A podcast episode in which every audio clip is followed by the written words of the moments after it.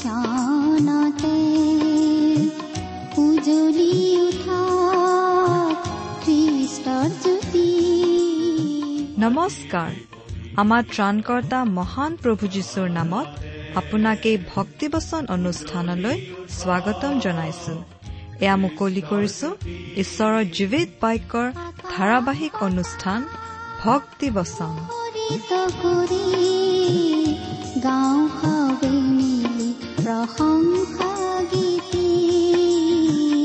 গাঁও হাৱে মিলি প্ৰশংসা গীতি আজিৰে পবিত্ৰ ক্ষণতে উজলি উঠা আপোনাৰ জীৱনত যদি শান্তি পাব বিচাৰে তেন্তে এয়া ঈশ্বৰৰ বাক্যৰ সান্তনা বাক্য ভক্তি বচন।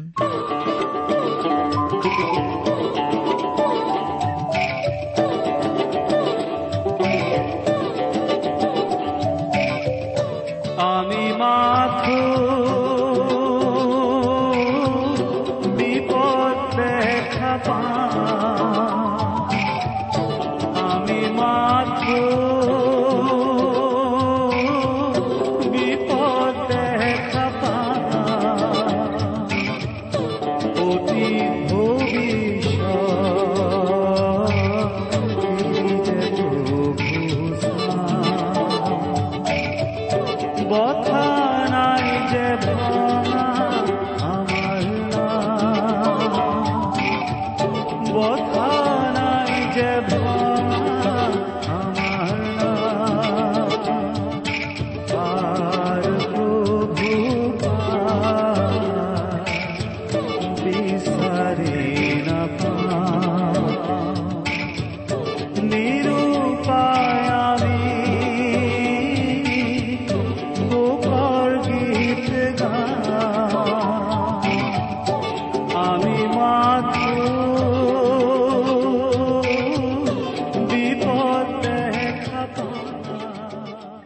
পৰিত্ৰাতা প্ৰভু যীশুখ্ৰীষ্টৰ নামত নমস্কাৰ প্ৰিয় শ্ৰোতা আপোনাৰ মংগল নে বাৰু? আমাৰ বিশ্ব আপুনি আমাৰ বাইবেল অধ্যয়নৰ অনুষ্ঠান ভক্তিবচন নিয়মীয়াকৈ শুনি থাকে। শুনেনো বাৰু? আপুনি শুনে নে নুশুনে তাকে আপুনি আমাক লিখি নজনালে আমি কি সতে জানিম যে আপুনি আমাৰ অনুষ্ঠান শুনে বা নুশুনে? গতিকে জৰুৰ চিঠি লিখি জনাব আপোনাৰ কথা। বহুতে আমাক মৌখিকভাৱে কয় বোলে আপোনালোকে ঈশ্বৰৰ বচন বাইবেলৰ বাণী প্ৰচাৰ কৰিছে আৰু আমি শ্ৰোতাসকলে শুনি আশীৰ্বাদ প্ৰাপ্ত কৰিছো। তাকেনো আকৌ কিয় লিখি জনাব লাগে? কিন্তু প্ৰিয় শ্ৰোতা ঈশ্বৰৰ বচনৰ বাণী শুনি আপুনি যেনেকৈ আশীৰ্বাদ প্ৰাপ্ত কৰিছে আমিও শ্ৰোতাসকলৰ পৰা খবৰ প্ৰাপ্ত কৰি সুখী হ'ব পাৰো পিতা ঈশ্বৰৰ প্ৰশংসা কৰিব পাৰো। নহলেনো হে প্ৰভু আমি আপোনাৰ বচন প্ৰচাৰ কৰিছো কিন্তু শুনা নুশুনাৰ কোনো চিঠি পত্ৰ শ্ৰোতাসকলৰ পৰা নাপাওঁ। তাৰ বাবে আপোনাৰ নামৰ ধন্যবাদ কৰো বুলি আমি অৰ্থপূৰ্ণভাৱে ঈশ্বৰক ধন্যবাদ দিব পাৰিমনে? আপুনি পোষ্টকাৰ্ড এখনত দুষাৰিমান খবৰ লিখি আমি ঈশ্বৰক ধন্যবাদ জ্ঞাপন কৰিব পৰা বা তেওঁৰ মহান নামৰ প্ৰশংসা কৰিব পৰাৰ বাট অকণো খুলি দিয়াৰ আপোনাৰ ইচ্ছা নাইনে বাৰু? ইচ্ছা আপোনাৰ নিশ্চয় আছে। কেৱল লিখাটো দৰকাৰ বুলিহে ভবা নাছিল। এতিয়া চাগে জৰুৰ লিখিব। আমিও আমাৰ ফালৰ পৰা অনুৰোধ ৰাখিলো যেন আপুনি জৰুৰ আমালৈ পত্ৰ এখন লিখে। আহক এতিয়া প্ৰভুৰ গুৰিত প্ৰাৰ্থনা জনাই আজিৰ অধ্যয়নত ধৰো। আহক প্ৰাৰ্থনা কৰো। হে সৰগ নিবাসী পৰম পবিত্ৰ পিতা আজিৰ এই দিন আপুনি আমাক দান কৰা স্বাস্থ্য আৰু আপোনাৰ পবিত্ৰ আৰু জীৱনদায়ক বচনৰ এই অনাতাৰ অনুষ্ঠানৰ বাবে আপোনাৰ মহান নামৰ ধন্যবাদ কৰিছো। হে পিতা আপুনি দয়া কৰি আমাৰ অনুষ্ঠান শ্ৰোতাসকলক আশীৰ্বাদ কৰক যেন তেওঁলোকে হুচেয়াৰ বাণীৰ পৰা বুজি পায় যে মানুহ ঈশ্বৰৰ দৃষ্টিত পতিত প্ৰাণী হলেও সেই মানুহক ঈশ্বৰে বৰ ভাল পায় আৰু পাপ বন্ধনৰ পৰা মুক্ত কৰিবলৈ মানৱৰ ৰূপত যীশু অৱতাৰত। এই জগতলৈ আহি নিজৰ জীৱন দান কৰি মুক্তিৰ মূল্য বহন কৰিছে। হে পৰম পিতা ঈশ্বৰ পাপ বন্ধনৰ পৰা মুক্তি লাভ কৰিবলৈ আপোনাৰ বচনৰ বাণী শুনা লোকসকলে যেন আপোনাক তেওঁলোকৰ পৰিত্ৰাতা আৰু প্ৰভুৰূপে বিশ্বাস আৰু গ্ৰহণ কৰিব পাৰে আপুনি এনে আশীৰ্বাদ দান কৰক। পৰিত্ৰাতা যীশুখ্ৰীষ্টৰ নামত এনে প্ৰাৰ্থনা অৰ্পণ কৰিলো। আমেন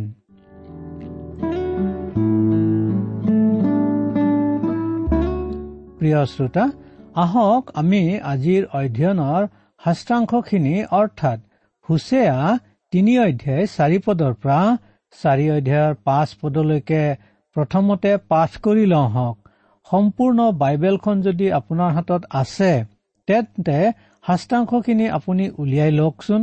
হুছেয়া তিনি অধ্যায় চাৰি পদৰ পৰা চাৰি অধ্যায় পাঁচ পদলৈকে মই পাঠ কৰিছো চাই যাওক বা যিসকলৰ হাতত বাইবেল নাই দয়া কৰি মনোযোগেৰে শুনি যাওক।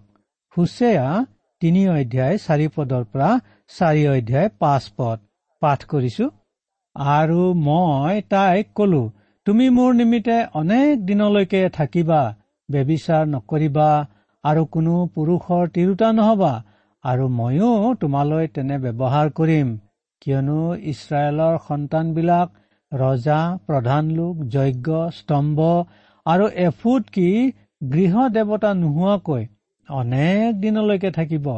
পাছে ইছৰাইলৰ সন্তানবিলাকে ওলটি তেওঁবিলাকৰ ঈশ্বৰ জিহুৱাক আৰু ৰজা দায়ুদক বিচাৰিব আৰু শেষ কালত ভয়েৰে জিহুৱা আৰু তেওঁৰ উত্তম বস্তু লৈ আহিব। সেই ইছৰাইলৰ সন্তানবিলাক জিহুৱাৰ বাক্য শুনা কিয়নো দেশত সত্য দয়া কি ঈশ্বৰ বিষয়ক জ্ঞান নথকাৰ কাৰণে দেশ নিবাসীবিলাকৰ ওপৰত জিহুৱাৰ গোচৰ আছে। কেৱল শপত মিছা কথা নৰবধ চুৰ আৰু বেবিচাৰ চলিছে। তেওঁবিলাক অত্যাচাৰী হৈ উঠিছে আৰু ৰক্তপাতৰ উপৰি ৰক্তপাত হৈছে। এই নিমিত্তে দেশ শোকাকুল হব আৰু পৃথিৱীৰ পশু আকাশৰ চৰাইৰ সৈতে তাত থকা আটাইবোৰ ম্লান হব। এনেকি সমুদ্ৰৰ মাছবোৰো বিনষ্ট হব? তথাপি কোনো মানুহে বিবাদ নকৰক আৰু কোনেও ধমকি নিদিয়ক কিয়নো তোমাৰ লোকবিলাক পুৰোহিতৰ লগত বিবাদ কৰোতা মানুহবিলাকৰ নিচিনা হৈছে। তুমি দিনত উজতি খাবা আৰু ৰাতি তোমাৰে সৈতে ভৱবাদীও উজতি খাব। মই তোমাৰ মাৰাক বিনষ্ট কৰিম। এতিয়া তিনি অধ্যায় চাৰি পদৰ কথাখিনিলৈ চাওক যে ইছৰাইলৰ সন্তানসকলে ৰজা ৰাজকুমাৰ যজ্ঞ স্তম্ভ এফুদ আৰু গৃহ দেৱতা নোহোৱাকৈ অনেক দিন থাকিব লাগিব। কিন্তু অনেক দিন মানে কিমান দিন সেইটো কোৱা নাই। অৰ্থাৎ ইমান দিন বা সিমান দিন বুলি কোনো নিৰ্দিষ্ট দিন বা কালৰ সংখ্যা উল্লেখ কৰা হোৱা নাই। ইছৰাইলৰ সন্তানসকলৰ ইতিহাসত এয়া কিছু অসচৰাচৰ কথা কাৰণ তেওঁলোকক কোৱা হৈছিল যে তেওঁলোক এবাৰ দুবাৰকৈ তিনিবাৰেই তেওঁলোকৰ বাসভূমিৰ পৰা বাহিৰ হৈ যাব আৰু তিনিবাৰেই স্বদেশলৈ প্ৰত্যাৱৰ্তন কৰিব। কিন্তু প্ৰতিবাৰ ওলাই যোৱা সময়ত অৱশ্যে কৈ দিয়া হৈছিল তেওঁলোক কিমান বছৰ বাহিৰত বসবাস কৰিব? কেৱল শেষৰ বাৰে ওলাই গৈ তেওঁলোক স্বদেশৰ বাহিৰত কিমান দিন থাকিব সেইটো কোৱা হোৱা নাছিল। প্ৰথমবাৰৰ ক্ষেত্ৰত ঈশ্বৰে অব্ৰাহামক কৈছিল মই তোমাক এই বাসভূমি দিম। এই বাসভূমি তোমালোকৰ হ'ব। কিন্তু তোমাৰ বংশৰ সন্তানসকলক মই চাৰিশ ত্ৰিশ বছৰৰ নিমিত্তে এই বাসভূমিৰ পৰা বাহিৰ কৰিম। তেওঁলোক নামি গৈ ইজিপ্ত দেশত চাৰিশ ত্ৰিশ বছৰ কটোৱাৰ পাছত পুনৰ কণান ভূমিলৈ ঘূৰি আহিব। আৰু তেওঁলোক চাৰিশ ত্ৰিশ বছৰৰ পাছত পুনৰ স্বদেশলৈ ঘূৰি আহিছিল আৰু সেয়ে সেই ভাৱবাণী আখৰে আখৰে ফলিয়ালে। তাৰ পাছত দ্বিতীয়বাৰৰ ক্ষেত্ৰত ঈশ্বৰে জিৰিমিয়াৰ যোগেদি কৈছিল ইছৰাইলৰ সন্তানসকলৰ পাপৰ কাৰণে তেওঁলোক বাবিললৈ দেশান্তৰিত হৈ যাব লাগিব আৰু তাতে সত্তৰ বছৰ কাল কটাব লাগিব। পুনৰ ঠিক সেইদৰে আখৰে আখৰে সেই ভাৱবাণী সিদ্ধ হৈছিল। এতিয়া হুচিয়াৰ যোগেদি ঈশ্বৰে ইছৰাইলৰ উত্তৰ ৰাজ্যক কৈছিল তোমালোক অনেক দিনলৈ ৰজা আৰু নেতা যজ্ঞ স্তম্ভ এফুদ আৰু গৃহ দেৱতা নোহোৱাকৈ থাকিব লাগিব। সেই অনেক দিনটো কিমান দিন? বহুতে ইতিমধ্যেই কৈছিল যে দুই হাজাৰ চনত প্ৰভু যীশুখ্ৰীষ্ট পুনৰ ঘূৰি আহিব। তেওঁলোকে ক'ৰ পৰা পায় সেই কথা প্ৰচাৰ কৰিছিল নাজানো কিন্তু বাইবেলে ক'তো সেই কথা কোৱা নাই।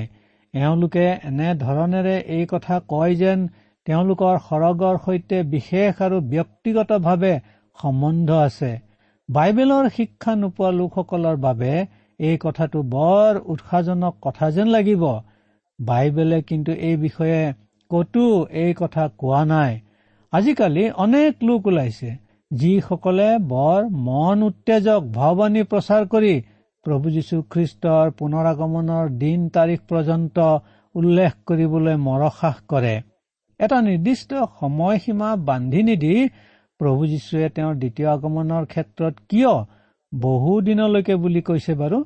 কাৰণ ইছৰাইলৰ সন্তানসকলে তৃতীয়বাৰে স্বদেশৰ পৰা ঘূৰি দূৰ বিগত সত্তৰ খ্ৰীষ্টাব্দতে পৃথিৱীৰ বিভিন্ন প্ৰান্তৰত সিঁচৰতি হৈ যাবৰ সময়ৰে পৰা ধৰি বৰ্তমানলৈকে প্ৰভু যীশুৱে তেওঁৰ নামৰ বাবে পৃথিৱীৰ পৰজাতীয় সকলো জাতি আৰু উপজাতিৰ পৰা তেওঁৰ লোকৰূপে আহ্বান কৰি তেওঁৰ মণ্ডলী স্থাপন কৰি আছে। কিন্তু তথাপি এই কথা কব পাৰো যে আমি শেষ কালচোৱাত জীৱন নিৰ্বাহ কৰিছো হওক। ইয়াকে শুনি আপুনি হয়তো প্ৰশ্ন কৰিব এই বুলি। তাৰমানে আপুনি কব বিচাৰে নেকি যে তেওঁৰ দ্বিতীয় আগমনৰ সময় তেনেই সন্নিকট? নাই নাজানো। তেওঁৰ পুনৰ আগমনৰ দিন কিমান ওচৰ? কাৰণ যোৱা দুই হাজাৰ বছৰ ধৰিয়েই আমি শেষকালত জীৱন নিৰ্বাহ কৰিছো। প্ৰভু যীশুৱে নিজেও কৈছিল চোৱা মই বেগাই গৈছো। প্ৰকাশিত বাক্য তিনি অধ্যায় এঘাৰ পদ আৰু বাইশ অধ্যায় সাত পদ।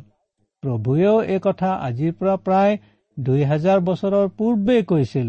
গতিকে প্ৰভু যীশুখ্ৰীষ্ট কাইলৈকে বা অহা বছৰলৈ বা দহ বছৰৰ পাছত আহিব বুলি কবলৈ মই প্ৰস্তুত নহওঁ। কিন্তু তেওঁ আহিম বুলি কৈছে যেতিয়া আহিবই সেইটো হলে জানো। তেওঁৰ অহাৰ পূৰ্বে যিবোৰ লক্ষণ দেখা যাব বুলি তেওঁ কৈ গৈছে সেইবোৰ হলে ক্ৰমে ক্ৰমে ঘটিবলৈ লোৱা দেখা পাইছো। আৰু যেতিয়া আমি জানো যে তেওঁৰ পুনৰ আগমনৰ দিন ওচৰ চাপিছে কেৱল সিমানকেহে কব পাৰো। কেৱল সিমানকেহে কোৱা উচিত। কাৰণ বাইবেলে সিমানকেহে কেৱল কৈছে। সুচীয়া পুস্তকত তেওঁৰ পুনৰ আগমনৰ দিন তাৰিখ দিয়া নাই কাৰণ তেওঁৰ নামত তেওঁ যি মণ্ডলী পাতি আছে সেই মণ্ডলীৰ কোনো নাম নাই। আজি আমি বিভিন্ন সাম্প্ৰদায়িক মণ্ডলীৰ সভ্য সভ্যা কিন্তু সুন্দৰ কথাটো হৈছে যে বাইবেলত খ্ৰীষ্টীয় লোকসকলৰ কোনো সাম্প্ৰদায়িক নাম নাই। গ্ৰীপ শব্দ ইক্লেছিয়া মানে হৈছে মাটি আনি পৃথক কৰা মানুহৰ এক সমষ্টি বা গোট প্ৰভুৱে জাগতিক ব্যৱস্থাৰ পৰা মাতি পৃথক কৰা মানুহৰ সেই সমষ্টি বা গোটটোৱেই হৈছে তেওঁৰ সতী কন্যা অৰ্থাৎ মণ্ডলী। মঠি তেৰ অধ্যায় পঞ্চল্লিছ আৰু ছয়চল্লিছ পদ দুটা পঢ়িলে আপুনি পাব যে মুকুতা বিচাৰোতা সদাগৰজনে এডোখৰ মুকুতা বিচাৰি পাই তাক নিজৰ সৰ্বস্ব বিক্ৰী কৰি হলেও কিনি ললে। মুকুতা বিচাৰোতাজন আমাৰ পৰিত্ৰাতা যীশুখ্ৰীষ্ট আৰু মুকুতা দুখৰেই হৈছে মণ্ডলী। প্ৰভুৱে নিজৰ মূল্যৰ বিনিময়ত সেই মণ্ডলীক কিনি লৈছে। গতিকে বাইবেলৰ এই সত্যতাৰ আধাৰত যদি মণ্ডলীৰ কিবা নাম এটা দিয়াৰ ইচ্ছা থাকে তেন্তে মুকুতামণি মণ্ডলী বুলিব পাৰো। কিন্তু আপুনি কৰবাত কেতিয়াবা ভুলতো মুকুতামণি মণ্ডলীৰ নাম শুনিছেনে প্ৰিয় শ্ৰোতা? হয় প্ৰিয় শ্ৰোতা। জগতৰ ব্যৱস্থাৰ মাজৰ পৰা প্ৰভুৱে মাতি পৃথক কৰা লোকসকলেই প্ৰকৃত মণ্ডলী আৰু এই মণ্ডলীক নিজৰ প্ৰাণৰ বিনিময়ত প্ৰভুৱে কিনি লৈছে। পাচনীসকলে জানিছিল যে মণ্ডলী স্থাপন হব কাৰণ সেই বিষয়ে জাননী দিয়া হৈছিল। কিন্তু মণ্ডলী স্থাপন হোৱাৰ এঘণ্টাৰ আগতেও জনা নাছিল কেতিয়ানো মণ্ডলী স্থাপন হব। সেইদৰে এতিয়াও আমাক কোৱা হোৱা নাই কেতিয়া মণ্ডলী চকুৰ প্ৰচাৰতে আকাশলৈ উত্তোলিত হব বা কেতিয়া প্ৰভু যীশু খ্ৰীষ্টৰ পুনৰাগমন হব? সেয়ে কোৱা হৈছে যে ৰজা নোহোৱাকৈ ইছৰাইলৰ সন্তানসকল অনেক দিনলৈ থাকিব। কিমান দিনলৈ তাৰ সময় বা ঠিক কৰি দিয়া কোনো কাল দিয়া নাই। ইছৰাইলে ৰজা নোহোৱাকৈ অনেক দিনলৈ থাকিব লাগিব। কাৰণ তেওঁলোকে তেওঁলোকৰ ৰজাৰো ৰজা আৰু প্ৰভুৰো প্ৰভুজনক উচিত সময়ত অগ্ৰাহ্য কৰিছে। উত্তৰাধিকাৰী ৰূপে কোনো ৰাজকুমাৰো নাই। কাৰণ প্ৰভু যীশুখ্ৰীষ্ট যদি তেওঁলোকৰ মচিহ বা খ্ৰীষ্ট নহয় তেন্তে তেওঁলোকে বাট চাই থকা আশা কৰি থকা মচিহ বা খ্ৰীষ্টজন হবলৈ কোনো দ্বিতীয় ব্যক্তি নাই। সেইদৰে তেওঁলোকে অনেক দিনলৈ বিনা যজ্ঞবেদী বিনা প্ৰতিমা বিনা এফুট আৰু বিনা গৃহ দেৱতাৰে থাকিব লাগিব। কাৰণ শেষৰ দিনা তেওঁলোকে প্ৰতিমা পূজাৰ পৰা ঘূৰিব আৰু বিনা এফুট অৰ্থাৎ বিনা পৌৰোহিত সাজপাৰে আৰু বিনা গৃহ দেৱতাৰে প্ৰকৃত যজ্ঞবিধিত তেওঁলোকৰ মচিহজনাৰ আৰাধনা কৰিব। আজি ইছৰাইলীয় লোকসকলে প্ৰতিমা বাদ দিলে সঁচা কিন্তু তথাপি তেওঁলোক সত্য ঈশ্বৰলৈ ঘূৰি অহা নাই। তেওঁলোকৰ মচিহ প্ৰভু যীশুখ্ৰীষ্টক গ্ৰহণ কৰা নাই। কিন্তু এনেদিন আহি আছে যেতিয়া তেওঁলোকে সেই কাম কৰিব তেওঁলোক প্ৰভু যীশুখ্ৰীষ্টৰ প্ৰকৃত পূজাৰী হ'ব। তিনি অধ্যায় পাঁচ পদত সেয়ে কোৱা হৈছে যে এতিয়া তেওঁলোকে গমন কৰি থকা পথৰ পৰা তেওঁলোকে ওলটিব আৰু তেওঁলোকৰ ঈশ্বৰ জীহুৱাক বিচাৰিব আৰু তেওঁলোকৰ প্ৰকৃত ৰজা জীৱনৰ ডেভিডক বিচাৰি পাব। আকৌ মনত ৰাখিব প্ৰিয় শ্ৰোতা যে ইয়াত শেষৰ দিনা মানে দুই হাজাৰ চনটো নহয়। তেওঁলোক আজি তেওঁলোকৰ স্বদেশলৈ ঘূৰিছে সঁচা কিন্তু তেওঁলোক নিজৰ একমাত্ৰ সত্য আৰু জীৱন্ত ঈশ্বৰ যি হোৱা মচিহজনা সেই যীশুখ্ৰীষ্টলৈ ঘূৰা নাই। ইছৰাইলৰ সন্তানসকলৰ ইতিহাস আৰু বৰ্তমান দেশত চলি থকা মিছনেৰীসকলৰ কাৰ্য আদিয়ে প্ৰমাণ কৰে যে তেওঁলোকে তেওঁলোকৰ মচিহ আৰু প্ৰভু যীশু খ্ৰীষ্টলৈ ঘূৰা নাই। কোৱা হৈছে যে বৰ্তমানে ইছৰাইলত শুভবাৰ্তা প্ৰচাৰ কৰাটো বৰ কঠিন কাম। আকৌ কোৱা হৈছে যে গোটেই ইছৰাইল ৰাষ্ট্ৰত প্ৰকৃত ইছৰাইলীয় লোকসকলৰ মাজত খ্ৰীষ্টীয় লোকৰ সংখ্যা তিনিশ মানহে হ'ব। কাৰণ ইছৰাইল ৰাষ্ট্ৰত যিহুদী লোকসকলতকৈ ইছৰাইল ৰাষ্ট্ৰত বাস কৰা আৰবীয় আৰু আন আন লোকসকলৰ মাজতহে খ্ৰীষ্টীয় লোকসকলৰ সংখ্যা অধিক। কিন্তু এদিনাখন অৰ্থাৎ শেষৰ দিনা তেওঁলোক তেওঁলোকৰ মচিহজনাৰ অনুসন্ধান কৰিব আৰু তেওঁৰ শৰণাগত হ'ব। হুচেয়া চাৰি অধ্যায় এক পদত প্ৰভুৱে তিনিটা বিষয় দাঙি ধৰিছে। এক দেশত দয়া নাই। দুই সত্য নাই। আৰু তিনি ঈশ্বৰ বিষয়ক জ্ঞান নাই। কাৰণ প্ৰতিমা পূজাৰ প্ৰভাৱত সেইবোৰ তল পৰি গৈছে। দৰিদ্ৰৰ প্ৰতি দয়া দেখুৱাবলৈ প্ৰভুৰ পৰা আদেশ পোৱা স্বত্তেও ঈশ্বৰ বিষয়ক জ্ঞানৰ অভাৱত দৰিদ্ৰক দয়া দেখুৱাব পৰা নাছিল আৰু সত্যত চলিব পৰা নাছিল। ধৰ্ম পালন পূৰ্ণদমে চলিছিল কিন্তু ঈশ্বৰ বিষয়ক জ্ঞান সত্য আৰু দয়াৰ দুৰ্ঘোৰ অভাৱ ঘটিছিল। কিয় বাৰু? কাৰণ ঈশ্বৰ বিষয়ক জ্ঞান সত্য আৰু দয়া ধৰ্মৰ পৰা পাব নোৱাৰি। সেইবোৰ ঐশ্বৰিক সম্পত্তি। সেয়ে কেৱল ঈশ্বৰ বিষয়ক জ্ঞানৰ ভঁৰালৰ পৰাহে সেইবোৰ পাব পাৰি। ঈশ্বৰ বিষয়ক জ্ঞানৰ অভাৱত কি কি পোৱা গৈছিল সেই বিষয়ে তাৰ পাছৰ পদ অৰ্থাৎ চাৰি অধ্যায় দুই পদত কোৱা হৈছে। ঈশ্বৰ বিষয়ক জ্ঞানৰ অভাৱত তেওঁলোকৰ মাজত যঘন্য জীৱন আচৰণে বিস্তাৰ লাভ কৰিছিল। প্ৰতিটো কথাতেই শপত উচ্চাৰণ চলিছিল। শপত উচ্চাৰণে কিহক সূচাই প্ৰিয় শ্ৰোতা? হয় মানুহৰ সমাজত যেতিয়া মানুহে মানুহক বিশ্বাসত ল'ব নোৱাৰে তেতিয়াই শপত উচ্চাৰণে গা কৰি উঠে। কিন্তু মানুহে মানুহক বিশ্বাসত ল'ব নোৱাৰে কিয়? কাৰণ তেওঁলোকৰ মাজত তেওঁলোকে প্ৰতিটো কথাতেই মিছা মাতে। কিন্তু মিছাও মাতে কিয়? কাৰণ নৰবধ চুৰ বেবিচাৰ অত্যাচাৰ আৰু ৰক্তপাত কৰি সেইবোৰ কৰিছো বুলি সঁচা কথা কব পৰা নাযায়। ইয়াৰ দ্বাৰাই আমি জানো যে ইছৰাইলৰ সন্তানসকলে দহ আজ্ঞাকেই ভংগ কৰিছিল। তাৰে এই কথাই স্পষ্ট হয় যে তেওঁলোকে আনকি তেওঁলোকৰ কঠোৰ বিধানসমূহকো অতি লঘুভাৱে লৈছিল। আজিকালি বৰং ঈশ্বৰ বিষয়ক জ্ঞানৰ অভাৱত কোনো কোনো লোক বৰ থৰ ডিঙীয়া আৰু অহংকাৰী হৈ উঠিছে। তেওঁলোকৰ অহংকাৰৰ ধোঁৱা কোৱাত একো নেদেখি ঈশ্বৰতকৈও বুদ্ধিয়ক আৰু জ্ঞানী হৈছে।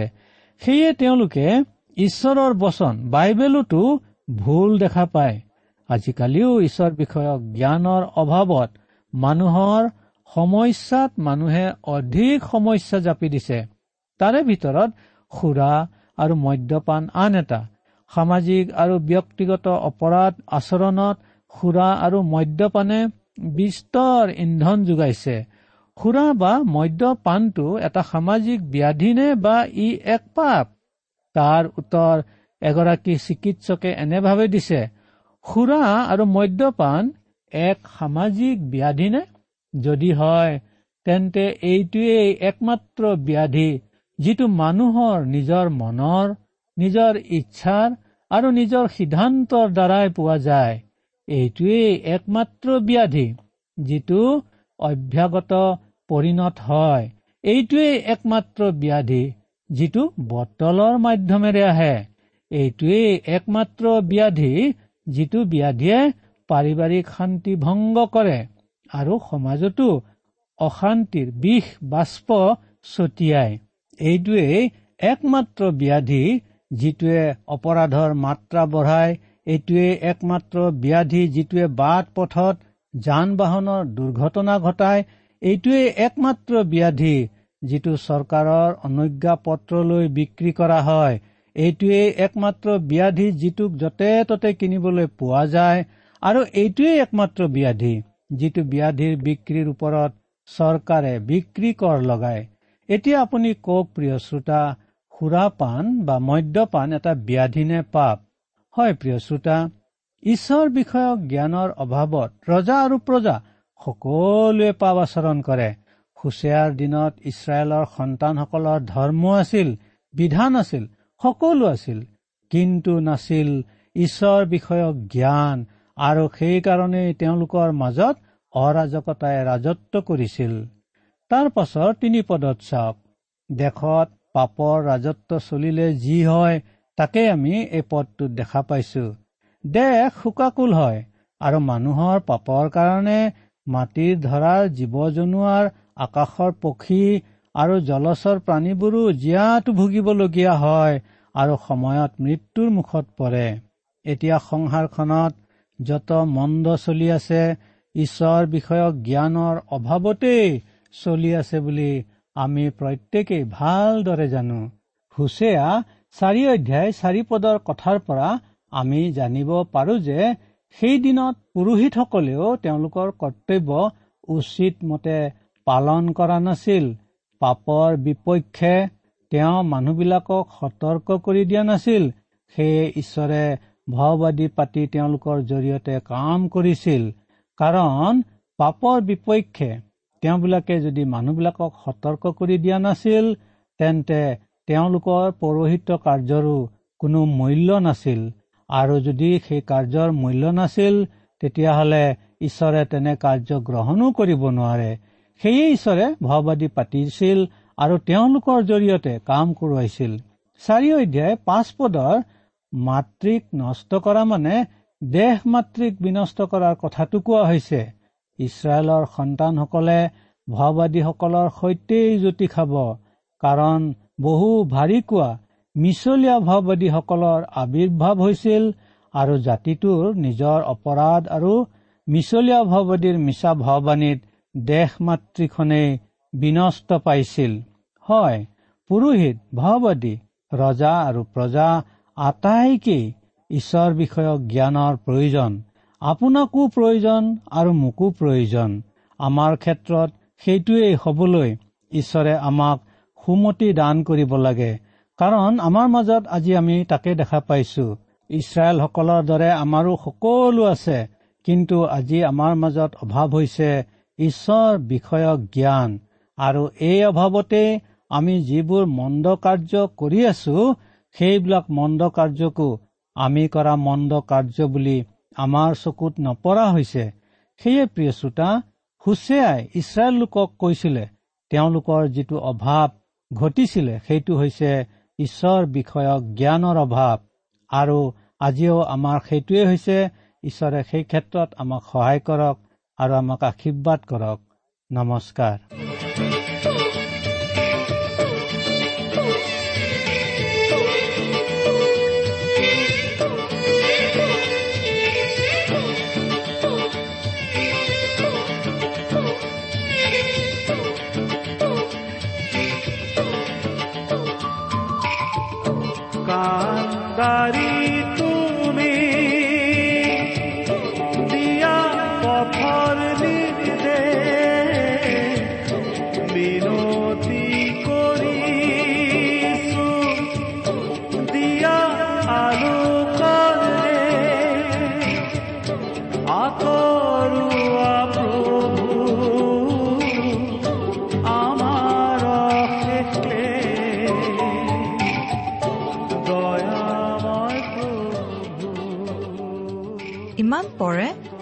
ভক্তিবচন অনুষ্ঠানটি শুনিলে।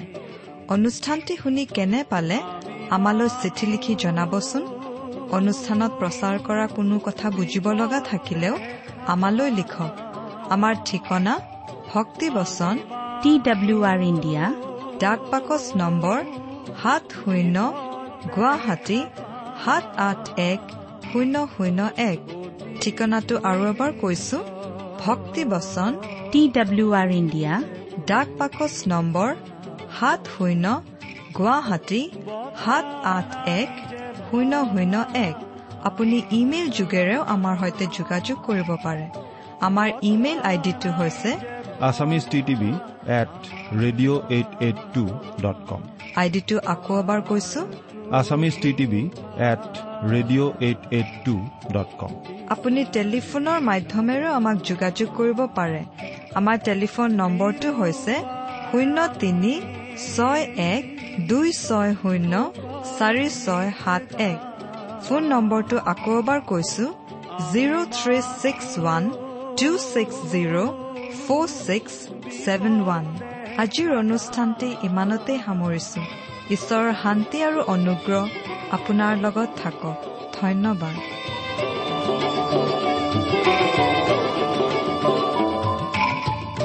কান্দাৰি